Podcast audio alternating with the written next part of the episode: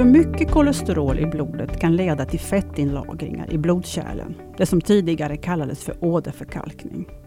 Och det i sin tur leder till en ökad risk för hjärt och kärlsjukdomar som till exempel hjärtinfarkt. Men vad vet vi om kopplingen mellan kost, kolesterol och hjärt-kärlsjukdomar?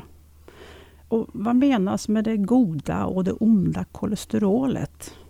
Och vad är bra kolesterolvärden? Vad ska man äta? Eller vad ska man undvika att äta? Och hur ska vi tänka kring äggen? Dessa och många andra frågor ska vi försöka ge svar på i dagens podd från Vetenskap och hälsa. Som alltså ska handla om kolesterol. Men vi ska också hinna med att prata om forskningen kring kolesterol och ge er en inblick i de frågor som man söker svar på.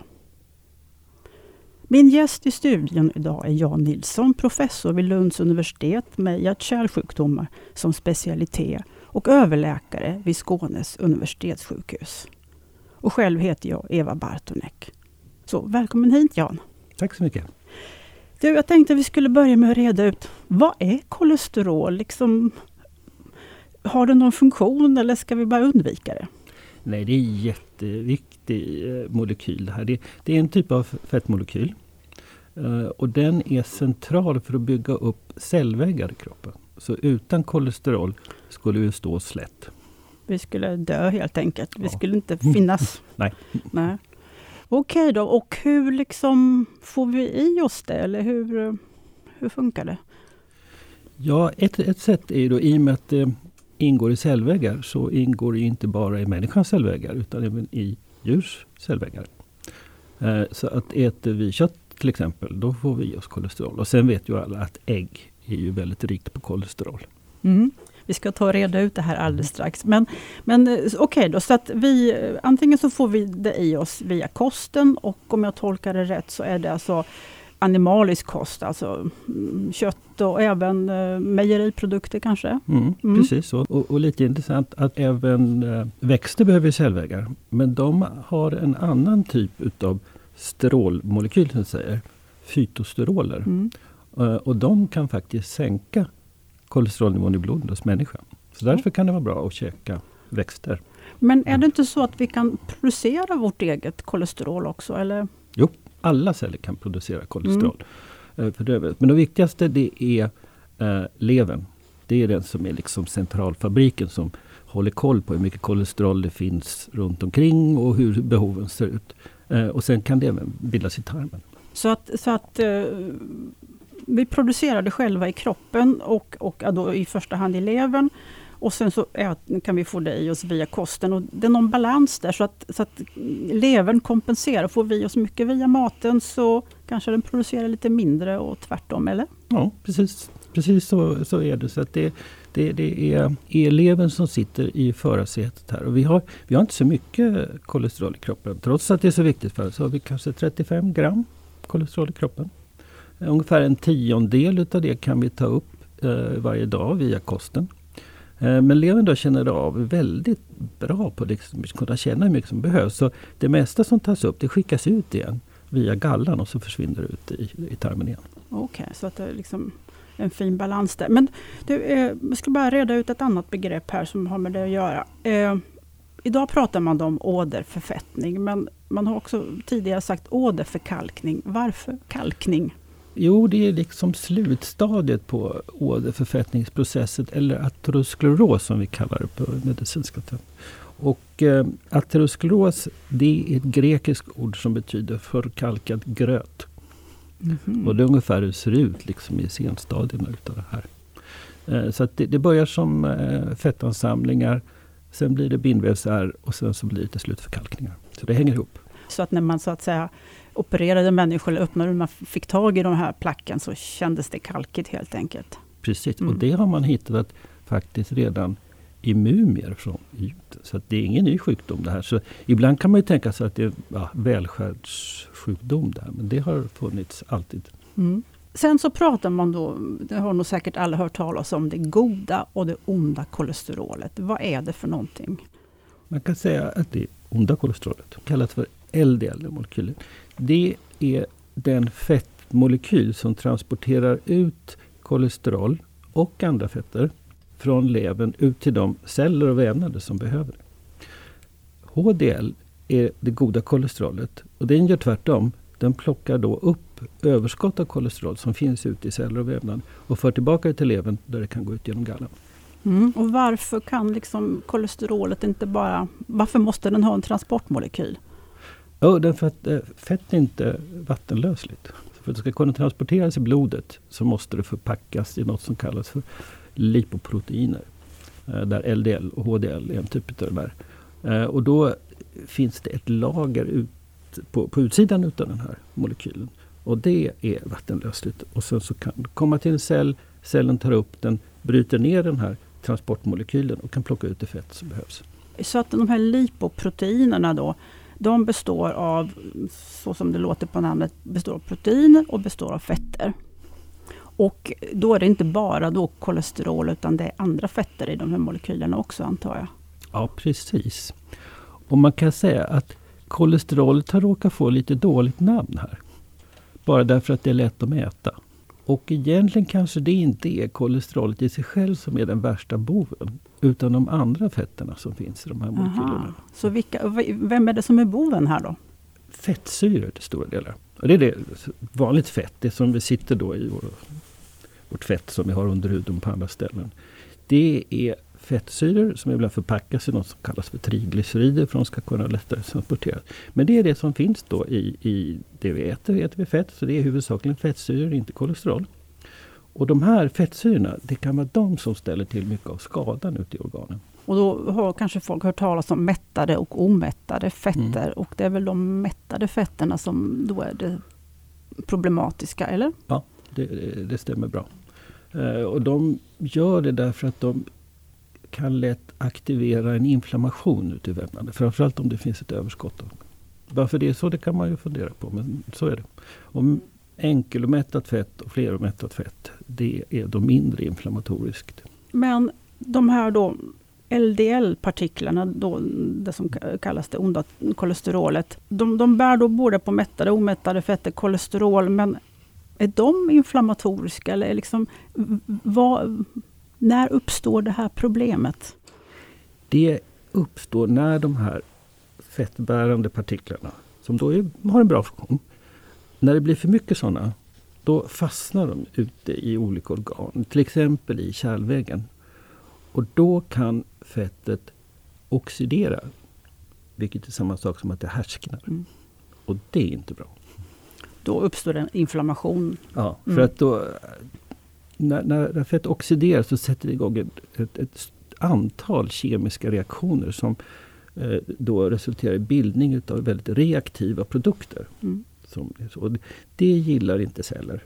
För det, det, det, det här går tillbaka faktiskt till att vi använder syre för att få energi. Okej, okay, kan du utveckla det? Ja, för syre då, för att vi ska kunna plocka, eh, utvinna energin ur syre och så, så måste man kunna plocka bort elektroner. När man gör det, då blir syremolekylerna väldigt ostabila. Och då kan de börja reagera med andra vävnader. De kan förstöra olika kemiska strukturer. och Så, där. så det är ett pris vi eh, måste betala för att vi ska använda syret för att mm. få energi. Då har vi risken att det skapas instabila molekyler. Det är ungefär som man tänker sig lite med kärnkraftsreaktioner. Mm. De på, vi kan få positiv energi men vi tar en stor risk om vi inte kan kontrollera. Precis på samma sätt det Och det är sådana här syraradikaler som vi kallar de här instabila syremolekylerna.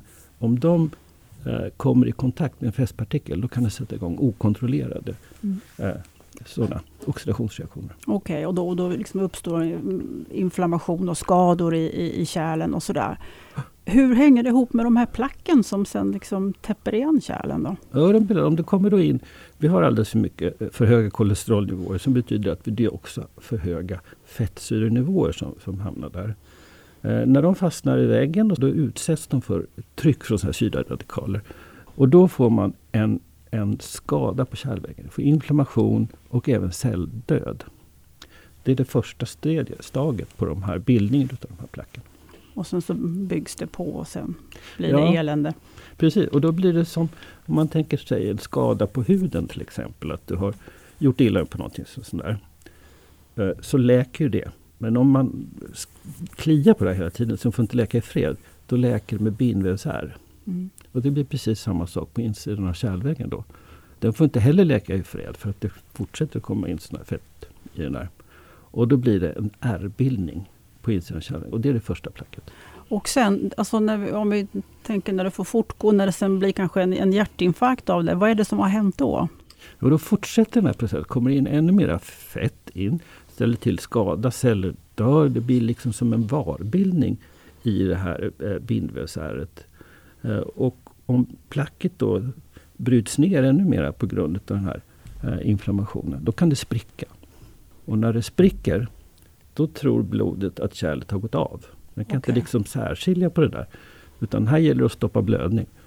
Eh, och då bildas det en blodpropp som sätter stopp för blodflödet. Ja. Och sker det i ett kranskärl, då blir det Då hjärtinfarkt. blir det hjärtinfarkt. Men, men okej, så inflammation är inte bra. Men kolesterol i sig, det är alltså inte inflammatoriskt? Nej, det är inte det. Är, är precis som de här fettsyrorna som kan oxidera, så kan faktiskt också oxidera, eh, kolesterol oxidera. Mm. Och det är inte heller bra. Men eh, det är nog av mindre skada tittar om man tittar i det stora sammanhanget. Så det är mest fettsyrorna som ställer till det. Och då måste vi, har vi kommit fram till att vi måste reda ut det här med äggen. Hur är det med ägg? Nej, det är ingen fara med äggen. Det är ingen fara. Men, men ägg innehåller väldigt mycket kolesterol. Ja, men det där klarar, det där klarar levern att ta hand om bra. Så det dyker upp mycket kolesterol eh, för att man äter då, eh, an, många ägg. Mm. Eh, Då känner levern av det och så skickar den ut kolesterolet med gallan igen. Så det är lugnt. Det finns inget samband vad man har sett i litteraturen av över hur många ägg man äter och risk för hjärtinfarkt. Okej, så man kan liksom äta många ägg varje Ja. dag? Det kan man. Ja, ska jag hälsa mina kollegor som har Ja. undrat. Eh, men då är det så, mycket kolesterol i ägg, men inte de här fetterna då? Nej, och det, det, det där problemet då, så att man, det är kolesterol som har blivit boven i det här. Men den är bara liksom en markör för att äter man väldigt mycket fett så bildar man mycket av de här partiklarna som transporterar fett och kolesterol. Och kolesterol är ganska lätt att mäta. Så det är därför den har fått det här Mm. ryktet om att det är det Okej. som är dåligt. Men, och det kan man säga, har man ett högt kolesterol då har man en ökad risk. Behöver inte just vara kolesterolets fel. Det där hänger ihop. Och det där kan man faktiskt se då typ hos vid diabetes. För där vet man, där har vi en ökad risk för hjärt-kärlsjukdom. Men diabetiker har inte höga nivåer utav det onda kolesterolet. Men de har väldigt mycket fettsyror. Och de är ute i blodet för att uh, man går, det bör, börjar ofta med att man går upp i vikt och blir Mm, övervikt. mm. Man får väldigt mycket fettväv. Och då säger fettväven stopp, nej vi tar inte emot när vi har fettsyror här, det är fullt. Och då, kan de, då är de i blodbanan istället. Mm, mm. Och där ställer de till med väldigt mycket. Och det är det som är orsaken till eh, den ökade risken för hjärtinfarkt och stroke vid diabetes. Du, om man nu skulle, om man till exempel går till vårdcentralen eller någon annanstans, om man ska mäta sina blodfetter, det kan man göra via ett blodprov. Vad är det man mäter när man mäter blodfetter? Man, man mäter då kolesterolnivån. Och sen så kan man då, det finns en särskild test som mäter det goda kolesterolet. Och om man har det värdet och så har man det totala mängden kolesterol, då kan man räkna ut det dåliga kolesterolet. Så, så gör man oftast på kemtest. Nu finns det också modernare metoder då man mäter de här proteinerna som finns på HDL respektive LDL. Och då kan man få med egentligen, egentligen lite mer exakt eh, antal LDL och HDL-partiklar. Men det är lite dyrare så att det är inte Mm. alltid det blir gjort. Så man mäter inte några andra, alltså de här fettsyrorna till exempel, mäter man dem också? Eller det är bara kolesterol? Ja, de är mycket svårare tekniskt sett att mäta. Eh, och då, då kan man säga att mäta kolesterol det är en bra markör för hur det ser ut vad det gäller fettomsättningen i kroppen. Vad är bra kolesterolvärden? Vad ska man, det finns säkert något intervall man ska ligga i. Ja, och då talar man oftast om totalkolesterolet. Och då brukar man säga en värde på 5 eller under. Det, det är ganska bra. Men det där är en lite lurig siffra eftersom det är då det sammanlagda värdet av det goda och det onda kolesterolet. Och där vet vi till exempel att hos kvinnor, i alla fall före klimakteriet, så har man mycket mer utav det goda kolesterolet. Så att ett, eh, säg ett värde på 6 i totalkolesterol för en kvinna som är 50 år kan vara ofarligt medan det för en man är farligt. Det är därför det är viktigt att titta både på det onda och det goda kolesterolet. Okej, så man har ett värde på 6 som egentligen kanske är lite förhöjt. Mm. Så, så kan det vara att, att det är en väldigt liten andel som är det här LDL, det Mm. onda då. Och man har mycket av det här HDL då. Precis. Men hos en man så är det för, kan man förmoda att det är en annan eh, Ja. fördelning mellan det här. Ja, det kan man säga. Fram till klimakteriet, då kan man vara säker på att det är så. Hur är det med ärftlighet och, och, och högt kolesterol? Mm, det, är- det är väldigt viktigt. För det är, det är väldigt vanligt att man har förändringar i kolesterolomsättningen som är ärftliga. Man räknar faktiskt på en på 250 så det är väldigt vanlig sjukdom. Man ska vara vaksam på om man har i släkten så att eh, släktingar har fått hjärtinfarkt eller stroke tidigt, och mellan 50 och 60 års ålder. Det, det är tidigt. Då kan det röra sig om en sån här ärftlig rubbning. Man kallar det för familjär hyperkolesterolemi. Och där har vi jättebra behandlingar. Så det som är väldigt tråkigt att se som läkare, det är att det här finns. Eh, man gör ingenting åt det och så får man en hjärtinfarkt när man är 50. Och den kunde vi ha förhindrat Mm. om vi hade börjat sänka kolesterolvärdena i 30-årsåldern. Men det görs ingen screening eller mm, uppmaning att folk ska tänka efter hur ens familjehistoria ser ut? Eller? Jo, det, alltså, det, som går vi ut med, med uppmaningar att man ska tänka på så. Och man har diskuterat väldigt mycket. Ska vi göra liksom screena alla som är 40 år för så mycket? Så där. Eh, Men det, när man har prövat sånt i lite större sammanhang så har det inte gett önskad effekt. Eh, riktigt. För man måste screena så jättemånga för att hitta då relativt få. Så det, är, det är viktigare att om man ser att det finns en an- ansamling av, av tidig hjärtinfarkt och stroke i släkten, då ska man kolla sina blodfetter. Okej, men om du har då en, en, en patient som visar sig ha förhöjda kolesterolvärden. Vad, vad finns det för behandling? Vad, vad ordinerar du som läkare? Då, då måste jag titta på hur ser det ut med resten av riskfaktorerna. Säg att man har ett värde då som 6 eller 7 i totalkolesterol och det är en man och det är mest LDL-kolesterol. Eh, Men i övrigt så är allting okej. Man har inte högt blodtryck, man röker inte, man har inte diabetes och sånt där. Då ger vi kostråd och allmänna livsstilsråd och sådär. Och så Och vilka är de då? Ja, mot, ja, det är det här vanliga. Rök inte, motionera regelbundet, sitt inte still för mycket på jobbet. Eh, se till att hålla vikten. Och vad ska man äta då? Ja, det där har ju diskuterats väldigt mycket. Jag tycker ett enkelt råd att göra. Ät det du tycker är gott och lagom mycket så att du håller vikten. Det kommer man ganska långt på. Ska man gå till nästa steg där som vi känner att vi har eh, bäst vetenskapligt underlag nu så är det det som vi kallar för medelhavskost. Sådär. Och det är inte pizza. och faktiskt inte heller pasta så mycket så. Utan det, eh, det, det här begreppet det kommer faktiskt från studier som gjordes på 50-talet. Man försökte lista ut varför folk runt Medelhavet hade mycket mindre hjärtinfarkt. Man hade särskilt i Finland som hade väldigt mycket då. Och det man kom fram till att skilja, det var kosten. Så att det är kosten, särskilt kosten som var på Kreta som var lite fattigare. Och Det- vad bestod den av då? Den bestod då utav det som fanns tillgängligt för säsongen. Vilket var olika typer utav grönsaker, rotfrukter, frukt, olivolja fanns alltid att tillgå. Eh, fisk, eh, vitt kött, ganska sällan rött kött, nötter. Och väldigt lite mejeriprodukter då Ja. antar jag. Mm. Så, så, så mm, det drar åt det, så att säga, det vegetariska hållet då på något sätt. Mm. Eh, Men, men kött finns i form av framförallt fisk Mm. och, och vitt kött som Mm. kyckling och sådär. Ja. Mm. Skaldjur, Skaldjur är bra. Det är bra det. Mm. Och det innehåller också mycket kolesterol har jag förstått. eller? Ja, det gör det. ja. Precis.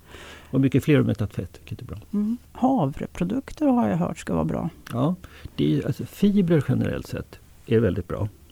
Eh, delvis så ska vi veta att många fibrer kan binda kolesterol i tarmen och, även andra fetter. Och så, så, så fibrer är bra. Mm. Fysisk aktivitet som sagt är ju alltid bra. Mm. Eh, har det någon effekt på, på blodfetterna, på kolesterolet? Ja, det goda kolesterolet stiger om man motionerar. mycket. Sen är det ju också så när vi äter då så kommer ju mycket av fett och framförallt de här fettsyrorna. Kommer ut i lite större såna här lipproteiner som kallas kylomikroner.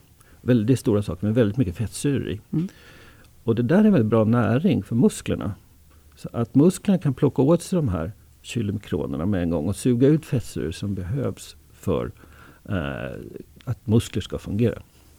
Men om musklerna sitter still då går de vidare till fettcellerna istället och levererar det dit.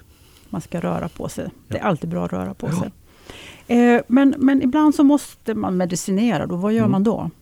Då? Den medicin som är, är, absolut bäst och mest välstuderad för att sänka kolesterol, det är det som kallas statiner. Det är nog världens mest studerade läkemedel. Och det har en väldigt bra effekt på att minska risken. Det sänker kolesterolet? Det sänker kolesterolet. Mm. Och vi kan sänka kolesterolet med upp till 50-60 procent med de här. Uh, och man har ju funderat med kolesterolet är en nyttig molekyl. Vi behöver kolesterol. Så här. Finns det, finns det någon gräns? Att sänker vi för mycket så blir det skadligt på något sätt. Det har vi inte sett hittills. Nej. Vilka är det som får de här medicinerna då? Dels är det då de som har de ärftliga rubbningarna. Som har ett ärftligt högt kolesterolvärde. De får såna här. Men sen är det framför allt de som har drabbats av en hjärtinfarkt eller stroke eller någon annan hjärt-kärlsjukdom som har med ökad åderförkalkning att göra. Eh, då har vi väldigt bra bevis att sänker vi då kolesterolet med statiner och andra mediciner. Då minskar vi risken att drabbas av en ny hjärtinfarkt med 50-60 Men, men vad händer? Så att säga, hur ser det ut i kärlen hos en person som haft en hjärtinfarkt? Då, då börjar man behandla med statiner, man, man sänker kolesterolet. Jag antar att man då mm, dämpar inflammationen. Mm. Men placken finns kvar då? Eller? Ja. ja, precis. Och alla de här riskfaktorerna som vi känner då som blodfetterna, högt blodtryck, högt blodsocker vid diabetes och rökning och så här, De skadar kärlväggarna, och ger mer inflammation och driver dem. Så det är det första vi ska göra, det är att ta bort alla de sådär. Men som du säger så är ju placken fortfarande kvar. Och de kan liksom bli en ond cirkel så de kan driva sig själva lite att, att äh, bli inflammerade och sådär. Eh, så då finns det två steg att gå. Dels då ska vi försöka se om vi kan direkt gå in och hämma inflammationen. Och det finns då studier som talar på att det är en väg som, som vi kan gå. Det viktiga är då, då att då måste man göra det på ett sätt som man inte minskar risken att drabbas av allvarliga infektioner. Eftersom inflammationen krävs. Mm. Det andra som man skulle kunna tänka sig som är ganska nytt då, det är att vi skulle försöka kunna hjälpa till och reparera kärlväggen så att den återtar sin normala struktur. Mm. Och det här handlar om din forskning. Jag tänkte att vi skulle komma tillbaka till det här. Men eh, bara för att dröja mig kvar hos de här som har haft hjärtinfarkt. Ska de vara extra noga med sin kost också? Eller ska de bara... Eller ja, det är väl alltid bra att äta hälsosamt. Men, men eh, ska de så att säga tänka ett varv extra? Ja, det, det ska de. Man ska, mm. det, är precis, det är inte så att får man mediciner så fixar det allting. Då kan man lita på dem och så kan man fortsätta som förut. Eh, utan det är ännu viktigare då att tänka på det här. Framförallt, man får inte röka efter det. Ja. eh, och sen ska man motionera och sådär. Och man ska tänka på sin kost, hålla vikten och sådär. Så det, de två tillsammans är det som gör det. Och man ska inte skippa någon utav dem. Mm. Ja, jag tänkte att jag skulle gå vidare. Nu har du redan varit inne på det lite grann. Men, men som sagt, eh, om vi tittar på forskningen. Vad är de, så att säga, de viktigaste forskningsfrågorna kring kolesterol som, som man försöker få besvara det? En väldigt intressant fråga det är det här med vad är det hos diabetiker som ökar risken för hjärtinfarkt och stroke? För som jag sa då så har diabetiker vanligtvis inte höga nivåer av det onda kolesterolet. Och då försökte man då tänkte, ja, vi måste sänka blodsockret. Men det hjälpte inte. Den här risken fanns fortfarande kvar. Och då var det några som tänkte ändå, ja men det kanske är kolesterolet ändå, fast inte högt. Och så gav man statin till diabetiker och då hade man effekt. Då gick risken ner. Och det där har man ju funderat på, vad kan det bero på? Då tycks det som att eh, hos diabetiker så är de LDL-partiklarna lite elakare. Mm -hmm. De är lite mindre som går in lättare i kärlväggen. De här LDL? LDL, mm. precis. De går in lite lättare för de är mindre. Och sen så verkar de sakna bra skydd mot att oxideras. Så de blir lite giftigare på mm. sätt. Där. Så det, det, det, har ändrat det, det hela väldigt mycket. Mm. Men sen finns det, eh, trots det, så ser man att det var nog en risk det här som liksom fanns både hos övriga befolkningen, hos diabetiker. Så att trots att nu när vi har börjat med att ge statinbehandling så har dödligheten eh, i hjärtinfarkt och stroke gått ner hos diabetiker. Men den har gjort det i parallellt med resten av befolkningen. Mhm. Så det finns fortfarande en fördubblad risk hos diabetiker. Eh, och där kan vi säga, det är nog inte kolesterol då. Utan Ja. det är någonting annat. Så det, det är någonting man försöker Mm. lista ut vad det är för någonting spännande. Ja. Och bara för att vara tydlig, vi pratar om eh, diabetes typ 2 här då? eller? Ja, det är det, är det som... Det, dels är det den dominerande. Eh, det är där den stora forskningen på samband med hjärt-kärlsjukdom går. Förmodligen är nog mekanismerna åtminstone delvis överlappade. Man ser ju inte de här förändringarna med för mycket fettsyror och lågt gott kolesterol som är typiskt för diabetes. Det ser man inte på typ 1 på samma sätt. Så att det, det finns både skillnader och likheter. Mm. Du nämnde här innan att eh, ett annat sätt, sätt, någonting som man tittar på, det är det här att försöka liksom dämpa den här inflammationen, inflammationsdämpande, men att det inte då får dämpa inflammationer i andra sammanhang för att då öka infektionskänsligheten och så vidare. Och där har ju du spännande forskning på gång när du har tittat på det här med att man skulle reparera Mm. kärlen, då, reparera de skadorna. Berätta lite mer. Ja, alltså det var ju spännande för då gjorde vi forskning. Det var en av mina medarbetare som heter Andreas Edsfeldt som han eh, har en studie tillsammans med professor Isabel Gonsalves där vi får plax där man opererar sådana små förträngningar i halskärlen. Och så, så undersöker vi de här för att kunna studera hos människa vad, vad mekanismerna är. Och så, så eh, jämförde vi då plax som kom från diabetiker med från, från icke-diabetiker. Och så tänkte jag det finns säkert mera inflammation i placken hos diabetiker. För det var naturligt. För vi vet att alla diabetiker går omkring med lite låggradig inflammation. Och inflammation driver ju placken sådär. Men så var det inte. Det, fanns, det var ingen skillnad i inflammation. Däremot så hade de tecken på försämrad reparation in i placken. Och det som var lite spännande var att vi hade nog rätt egentligen. Det som hade hänt bara var att när vi tog ut de här placken då hade man redan börjat ge statin till diabetiker. Och den hade då tagit bort den här inflammationen. Och då stod vi där, men det har försämrad reparationsförmåga. Och så tänkte man, ja, det är väl inte så konstigt. Är det någonting som diabetiker lider av så är det bensår som inte läker. Just det. Mm.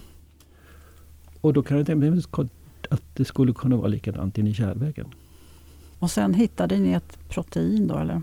Ja, då började vi titta på vad finns det för faktorer då som, som är viktiga för reparation i kärlväggen. Och då hittade vi ett antal såna tillväxtfaktorer.